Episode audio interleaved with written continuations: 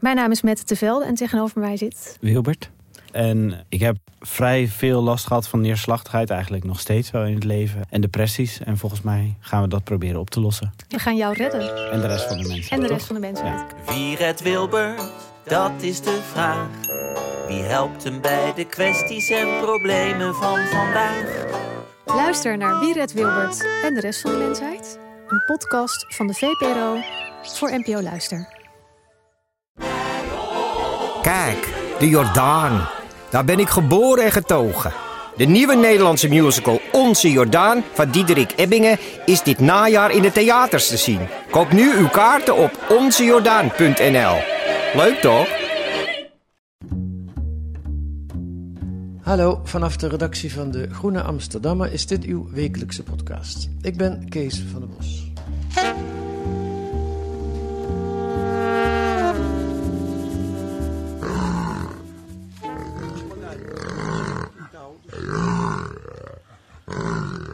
Horen we, Meike? Ja, een jaguar. Dat hoor je meteen? Nee, dat hoor ik niet meteen. Maar leek, me, leek me logisch, gezien het onderwerp waar we het over gaan hebben. Een jaguar, een grote kat. Je kijkt er heel eng bij. ja, maar het is toch ook eng? Ja, ja. Deze wordt ook een beetje getergd, dus die slaat ook naar ons af en toe met zijn poot. Jij stond ooit oog in oog met zo'n jaguar. Beschrijf dat eens. Nou, dat was wel zo'n moment dat je zo instant voelt dat, het echt, dat er een echt heel wezenlijk gevaar... eh, dat je in een, in een hele gevaarlijke situatie zit, ineens. Ik was er met eentje aan het wandelen in een natuurpark in eh, Costa Rica. Dat heet dan park, maar het is gewoon een stuk regenwoud met een hek eromheen. Ehm, waar gewoon het wilde leven en alles gewoon vrij spel heeft. En toen liep ik gewoon zo'n, ja, volgde een pad. En ik, ik die nam een flauwe bocht. En toen zat er gewoon een hele grote kat. Een zwarte, zijn ook zwarte jaguars. ehm, onder een boom. En dat is heel eng. Want je denkt, en we keken naar elkaar. En toen dacht ik echt, in een, in een flits besloot ik toen om stil te blijven staan. Want eigenlijk, je krijgt een soort heel raar... Je, je denkt meteen, ik moet mezelf redden. Ik moet rennen. Ja, en toen dacht ik rennen. Dacht ik nee, die kat die rent sneller. Toen dacht ik klimmen. Dacht ik nee, die klimt beter. En dan het enige wat ik dacht was oké, stilstaan. En dan hopen dat dat dier op een gegeven moment zijn ehm, eh, interesse verliest en wegloopt. En ik ben zo heel langzaam een beetje zo naar achter gaan lopen. Want ik dacht, misschien kan ik terug die bocht om. Maar dat... Ik bewoog, want ik weet nog dat ik op een gegeven moment één beweging maakte met mijn hand. Heel raar, omdat je toch nog denkt, ik ga een foto maken. En ik maakte één beweging met mijn hand, een heel klein stukje. Toen zag ik dat hoofd zo bewegen. Toen dacht ik, oh nee, nee, nee, nee, nee. Stil blijven staan, stil blijven staan. En toen op een gegeven moment liep hij weg. En nu ik iets meer van dat dier weet, hij- die valt bijna nooit mensen aan. Maar dat wist ik toen niet. En ik, je schrikt gewoon heel erg. En daarna trillen. Ja. nee, daarna ben ik volgens mij echt... Ja, trillen, toen ben ik echt gaan rennen. Toen ben ik dat park gaan... aan- Want ik had namelijk op de heenweg, op exact datzelfde stuk... had ik een soort heel groot zwart dier zo achter een struik weg zien lopen... met een lange zwarte staart. En toen dacht ik al, oh jee, hier zit een grote zwarte kat. Maar toen dacht ik, ja, eh, ik kan teruglopen... eh, maar ik kan ook door. Ik dacht, ja, ik heb geen idee waar dat dier heen gaat. Dus ik dacht, maakt niet uit wat ik doe. Er is overal even grote kans dat ik hem weer tegenkom. En toen uren later, toen kwam ik weer langs dat punt op de terugweg. En toen zag ik hem dus wel echt zitten. Ik ga je voorstellen. Eh, Meike van Wijk eh, hoort u, luisteraar. En ze heeft weer een nieuwe podcast gemaakt. En dat is nieuws, want de vorige podcast is maar liefst 700.000 keer beluisterd. Tante Jos was dat. En in deze nieuwe podcast gaat Meike op zoek naar de Jaguar. De witte Jaguar ga je zoeken. Of nou, maakt een, maakt me niet uit. En ze schrijft daarover deze week in De Groene, over die zoektocht. En nu zit ze hier om daarover te praten. U hoort het al. Welkom in de podcast, Meike. Dank je. Toch nog even over dat fragment. Wat, wat je, twintig jaar geleden, toen was je, eh, laat me schokken, tussen de twintig en de dertig ergens. Mhm. En dan loop je daar alleen in het oerwoud van Costa Rica. Eh, is dat zo gevaarlijk als het hier klinkt, of eh, valt het wel mee? Nou, ik denk wel En dat had ik deze reis ook heel erg. Dat je, dat, ik denk dat heel veel mensen, en ik zelf vaak ook niet, dat je ook helemaal niet beseft dat hoe echt het is. Hè? Dat je niet in een, in een aflevering van National Geographic rondloopt waar, weet je, waar je niks kan overkomen. Het is eigenlijk hoe meer ik in oerwouden ben geweest. Ehm, eh, en hoe meer ik erover heb gepraat met mensen die ook in, in jungles wonen en zo. Hoe meer ik me besef hoe, re- ja, hoe realistisch toch wel een heleboel gevaren zijn. Aan de andere kant zijn dieren natuurlijk ook vaak sneller weg. Hè, dus ik bedoel, ze, ze, ze voeden natuurlijk trillingen, dus ze zijn ook vaak sneller weg dan hè, voordat jij ze kan zien. Ja. Aan de andere kant ben ik me ook zeker na deze reis ook weer heel erg bewust geworden van het feit dat jij wel in hun territorium bent. En dat zij eigenlijk helemaal geen zin hebben in jou. Of op jou, die zitten natuurlijk helemaal niet op, op, op indringers te wachten in hun gebied. Dus in die zin ja, ben ik eigenlijk, hoe meer ik in dat soort gebieden ben geweest, me toch steeds meer bewust ook geworden van, ja, toch wel hoe, dat je daar, ja, nou, niet hoort te zijn, klopt mis- misschien ook niet helemaal, maar dat je, ja, daar toch wel op bezoek bent, laat ik het zo zeggen. En dat de andere mensen die er oorspronkelijk wonen het niet altijd leuk vinden dat je er bent. En wat voor vrouw was dat, die jonge Meike van Wijk, die daar die tocht maakte? Oh, pff, ja. Nou, naïef ben ik nooit, denk ik, echt heel erg geweest in mijn leven. Maar wel iemand die het gevaar wat minder zag dan de meike die wat twintig jaar ouder is. En je maakte toen een lange tocht? Ja, drie maanden. Ik had hier een vaste baan bij de radio, dat had ik opgezegd. Toen wilde ik gewoon drie maanden een beetje gaan surfen en Spaans leren. En, eh, maar het grappige is dat ik in dat dagboekje dat ik toen bijhield... ook alleen maar schreef, ik heb een jaguar gezien, freaky, en dat was het ook. En ik had die avond ook voor het eerst van mijn leven een aardbeving meegemaakt... en ik dacht ook dat het soort van normaal was. Dat dat daar dan gewoon, dat je dat dan elke dag ging meemaken. Dus ik had er ook helemaal niet veel over geschreven. Het was eigenlijk pas veel later dat ik dacht, of me echt realiseerde hoe bijzonder dat was. Ja, want jij hebt hem daarna nooit meer gezien. Nooit meer. En sterker nog, ik ben in, op deze reis in Midden-Amerika bij. ehm, heb ik echt met mensen opgetrokken die 20 of 30 jaar Jaguar-onderzoeker zijn. En ook nog nooit een Jaguar hebben gezien. Want dat dier is zo. eh, ja, elusive, zeggen ze eh, in het Engels. Ehm, Elusive. Zo schuw. ja. Schuw, maar ook een beetje ja, geheimzinnig. Of ja, gewoon. Ja, alsof het een illusie is. Is dat elusive? Ja, het is met een E. Nou, Wat is nou het woord? Nou, ik kom er niet op. Straks. ja, na de podcast. Ongrijpbaar. ongrijpbaar. Oké, daar gaan we het zo nog uitgebreid over hebben. Ik wil eerst even jou iets meer voorstellen aan de luisteraar. Ehm, ehm, je hebt gewerkt als presentator van een Radio 6-programma bij de NTR. Ik dacht net bij de VPRO, maar je verbeterde me, het was bij de NTR. Je maakt documentaires. eh, eh, je bent vorig jaar nog een eh, eentje voor Argos gemaakt over eh, eh, wilde planten. Ehm, moeten we nog meer van je weten? Nee hoor. En je hebt Tante Jos gemaakt. En Tante Jos is een, een, ehm, ja, een van die documenten, een van die podcasts die een mega succes is geworden hè, de afgelopen jaar. Hij wordt nog steeds beluisterd. Ja, nog steeds. Ja, dat is natuurlijk een beetje geluk als je iets doet over de Tweede Wereldoorlog. Dat elk jaar rond 5 mei of zo. of Het is natuurlijk een soort tijdloos verhaal dat altijd Ja. weer Ja. beluisterd wordt. En wat is er zo mooi aan Tante Jos? Waarom moeten mensen die het nog niet gehoord hebben alsnog naar gaan luisteren? Oeh. Nou, ja, in het kort. Deze vrouw, dat is Jos Gemmerke. Dat is de zus van mijn oma. En zij is de enige vrouw ooit die militaire Willemsorde heeft gekregen. Dus dat is de allergrootste onderscheiding voor dapperheid en moed. Ja. Ehm, oh, en koningin Wilhelmina heeft hem ook gekregen overigens. Ja, Maar dat was meer omdat ze de koningin was, denk ik. En Jos kreeg hem voor haar verzetswerk.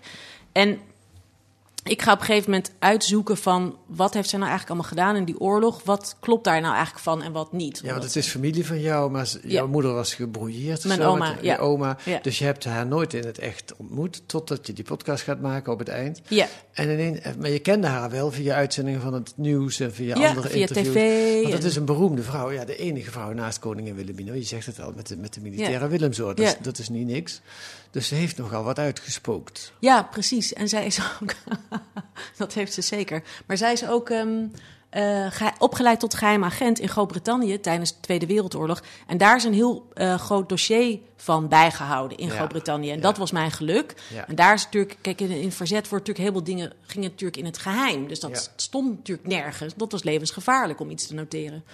Maar Groot-Brittannië is dus heel dossier van haar bijgehouden, omdat ze daar is echt officieel is opgeleid. En daar vond ik zoveel informatie in die, Ja. nou ja, die ik niet wist. En, eh, Vraag is dan, Ja, klopte het allemaal wat ze had Ja, verteld of niet? nou precies, dat wilde ik net zeggen. Ik, de spanning van mij als luisteraar zat er maar in. Het begint met spectaculaire verhalen, dan val je al bijna van je stoel. En ineens plopt de vraag ja, maar klopt het allemaal Ja. wel? En dat is een extra laag die, die me door de andere delen heen geholpen heeft. Dat is natuurlijk heel spannend. En als het niet klopt, waarom zou het dan niet kloppen? Mhm. Ja. Nou, noem maar op. Ehm, luisteren is nog te, te beluisteren, tante Jos. Ehm, nu een nieuwe podcast, op zoek naar de Jaguar. Eh, gaat dat weer 700.000 luisteraars? Nou, dat denk ik niet. Dat hoop ik natuurlijk wel. Ja. Ehm, en, maar ik hoop het ook voornamelijk omdat... dit, dit, dit verhaal gaat er eigenlijk heel erg over eh, eh, ontbossing... en over hoe wij omgaan met de natuur als mensheid. Ja. En waarom het belangrijk is dat dat allemaal blijft bestaan. Ja. Waarom, laten we meteen, ik vraag meteen door, waarom doe je dit verhaal? Hoe ben je hierop gekomen? Ik heb ooit een documentaire gemaakt met een collega, Mirjam van Biemen, over ehm, eh, ontbossing in de Braziliaanse Amazone.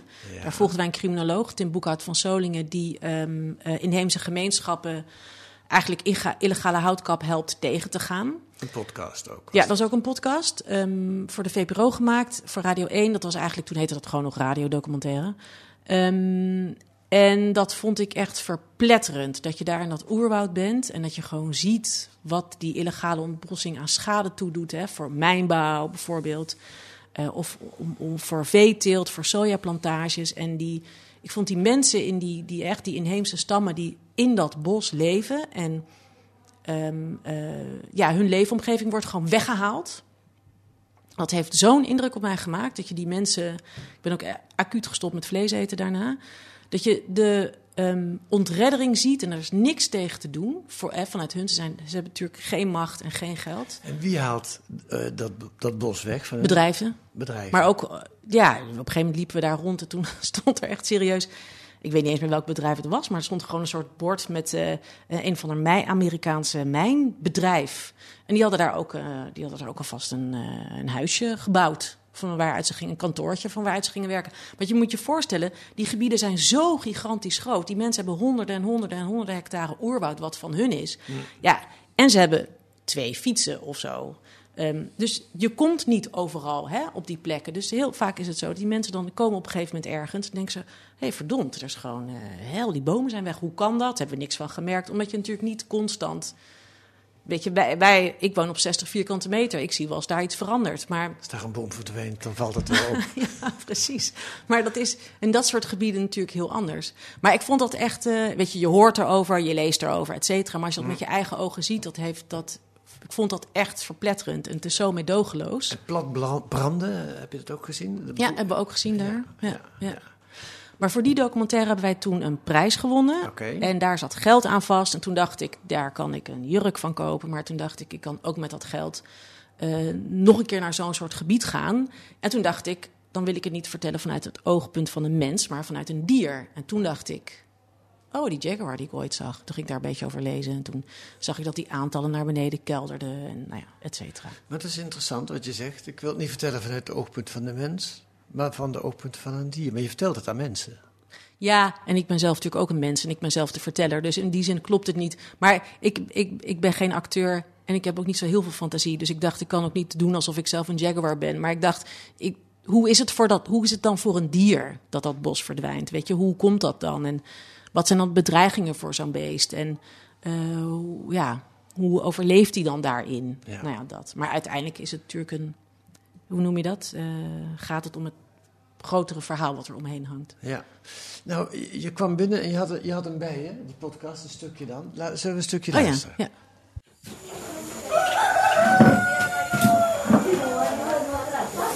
Oké, we gaan een kamer halen.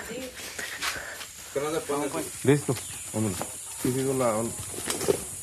Holanda. Ah, Aquí, Holanda está aquí. es que la había confundido con un PNC. Yo le digo Holanda porque me olvida su nombre. Sí, Meike. Mike. Twee jongens uit het dorp lopen voorop met machettes om een pad te kappen. Zij weten de weg. De vier militairen, de twee politieagenten, Manuel van Konap en ik, we lopen achter elkaar in een sliert. Ik moet de pas erin houden, want degene die een meter voor me loopt, kan ik al niet meer zien. Het is echt verzengend heet en heel vochtig. Ai, ai.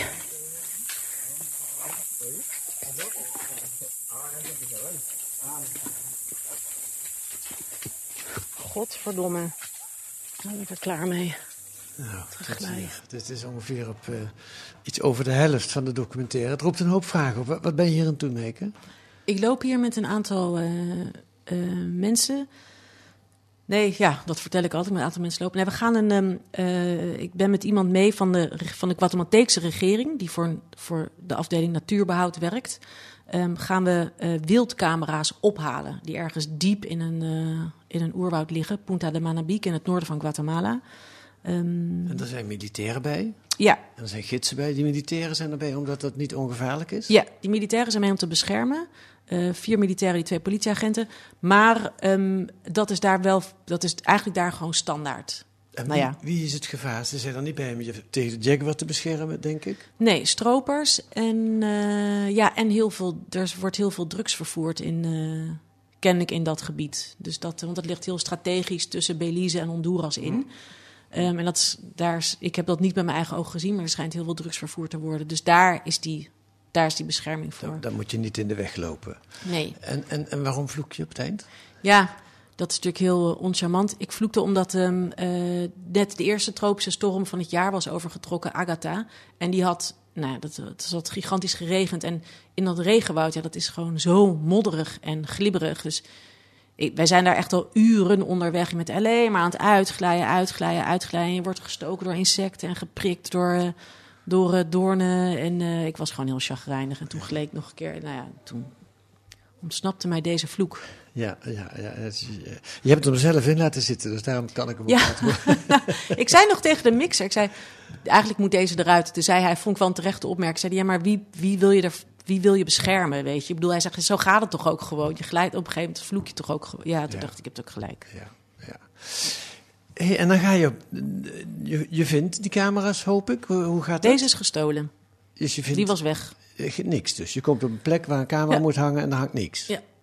Die was weg, ja. Dan vloekt er weer iemand, neem ik aan. Nou, dat vond ik dus heel interessant. Dat, deed dus, dat gebeurde dus niet. Ze waren gewoon heel erg gelaten. Ze zeiden, slecht nieuws, wat dan? Camera's gestolen. Oké. En toen zei ik, en nu?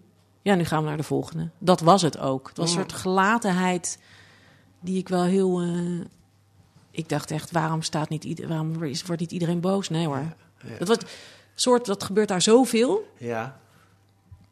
En dan, wat is het doel? Stel dat die camera er had gehangen, dan dat is een, een, een bewegende, die reageert op bewegende beelden, Ja, neem ik aan. ja, ja. En dan hoop je dat er een Jaguar op staat. Ja. Nou, wat zij doen is, want de, er, hangt een, er is nog een tweede camera. Die gaan we daarna ophalen. Die hangt er wel. Gelukkig. En daar staat bijvoorbeeld ook stond een filmpje op. Dat kreeg ik weken later doorgestuurd. Eh, dan zie je gewoon een Jaguar op dat pad staan. En wat zij doen is met die camera's, doordat daardoor ze, ze monitor. Kijk, die mensen willen data hebben. Ehm, eh, als je bijvoorbeeld weet van oké, er, zijn, er zijn, laten we zeggen, tien eh, Jaguars in dit gebied, zegt natuurlijk niks. Behalve als je weet dat er een half jaar geleden er nog honderd waren, dan weet je dat het er minder zijn. Ja. Als, hon- als, het, als er twee waren en zijn er nu tien, dan weet je dat het groeit. Ja. Dus daarom, zij, zij, zijn, zij, zij willen zoveel mogelijk data hebben over zo'n lang mogelijke tijd om te kijken van hoe gaat het met dat dier. Ja, ja, ja. Wat wil je met die podcast vertellen? Dus wat, wat, als ik er naar geluisterd heb, wat is er met me gebeurd? Ik hoop niet dat je dan heel sip bent. Daar ben je wel een beetje bang voor. ja, een beetje wel.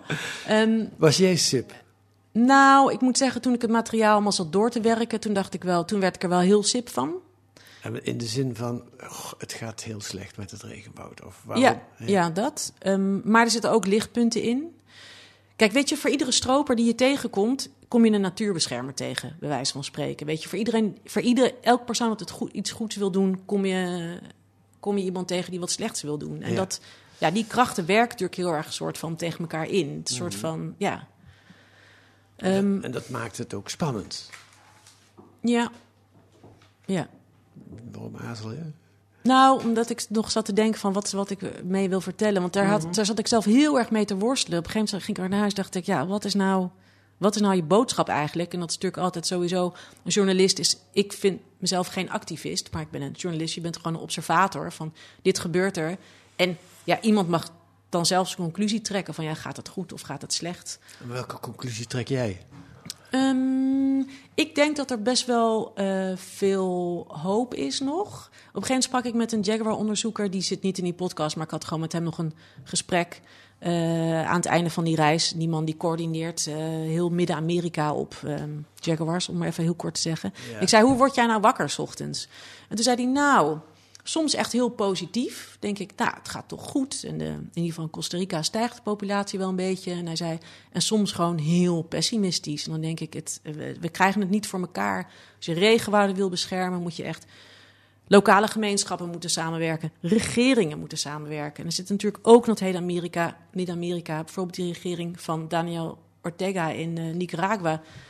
Die Het is niet handig op dit moment. Nee, precies. Weet je, als je, maar als je dan zo'n Jaguar-corridor hebt, hè, zo'n onafgebroken stuk bos van Argentinië naar Mexico, waar die dieren in moeten migreren, en er is één land wat niet meedoet, en, er, en daar staat geen regenwoud meer, dat betekent dat je dus niet meer, dat die dieren dan niet meer door dat land kunnen lopen en uiteindelijk niet meer Ja. naar het noorden kunnen.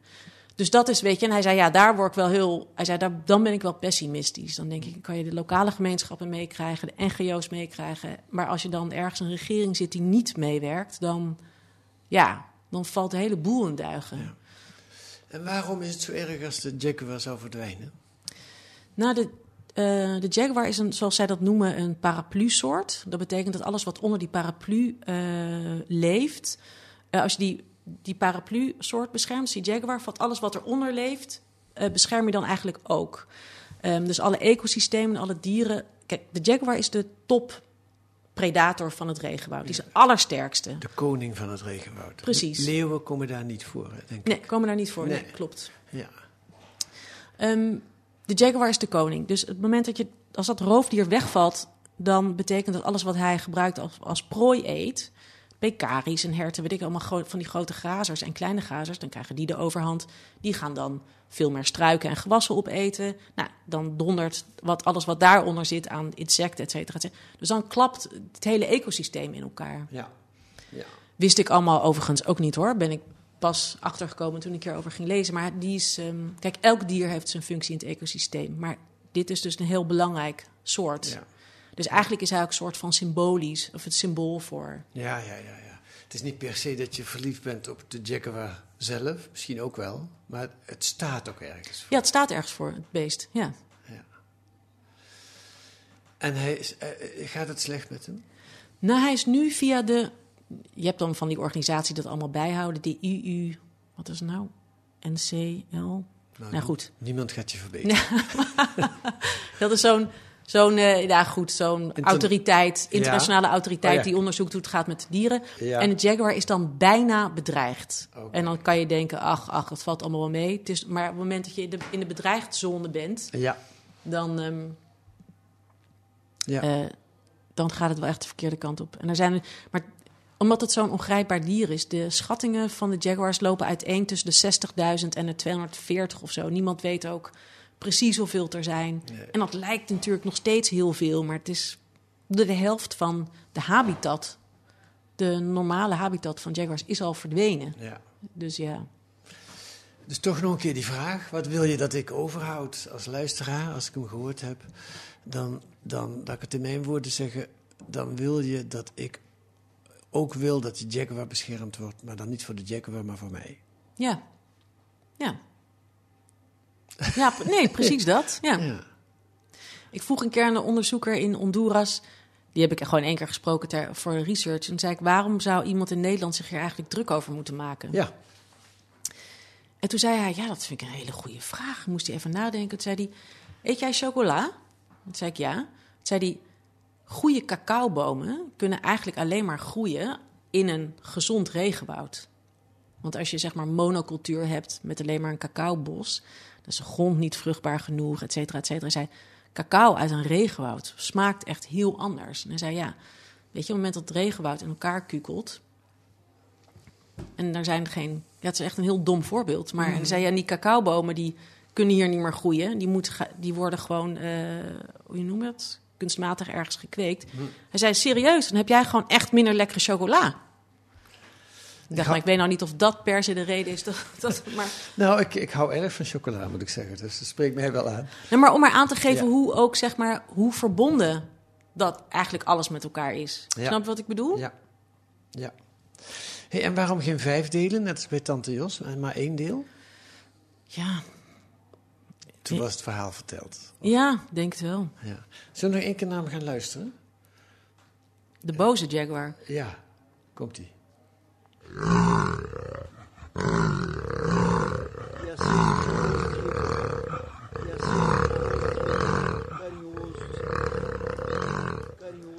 En je bent ook weer terug geweest naar die plek Ja. waar je twintig jaar geleden... Maar hij stond er niet meer, hè? Nee, Dat denk je dan wel, een beetje. Ja. heel naïef, dat dacht ik wel. Nou ja, ik hoopte het meer. Ja, ja.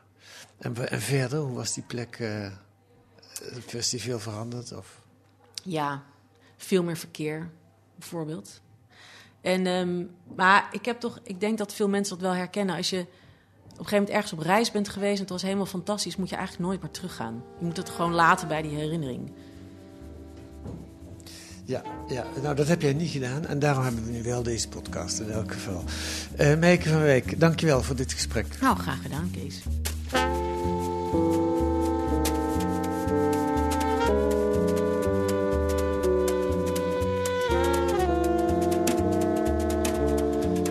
Het verhaal van Meike van Wijk kunt u deze week lezen in De Groene. Oh ja, en het pad van de Jag- Jaguar, zo heet de podcast, wordt op 7, woensdag 7 september gepubliceerd en is dan via alle gebruikelijke podcastkanalen te vinden. Het pad van de Jaguar. Wat staat er nog meer in? Een profiel van de Lenin van het neoliberalisme. En dat is Friedrich Hayek. Volgens deze held van Churchill, Reagan en Thatcher plaveide elke vorm van economische planning uiteindelijk de weg naar slavernij. Daar was hij geen liefhebber van. En een reportage over uitbuiting tussen de aardbeien in Spanje. De Marokkaanse pluksters moeten weer terug als hun seizoencontract afloopt en het werk gedaan is. Dat kunt u lezen met een abonnement of een proefabonnement. Ga dan naar groene.nl. Daar kunt u lezen hoe u 10 weken de groene krijgt voor 15 euro. Eh, houdt u van deze podcast? Schrijf dan eens een review. Dan kunnen meer mensen eh, de podcast eh, vinden. Dit heb ik van, eh, uit de afkondiging van Tante Jos, omdat zo op deze manier. Wilt u reageren op wat u hoort, dan kunt u dat doen per mail. Stuur dan een mail naar podcast.groene.nl.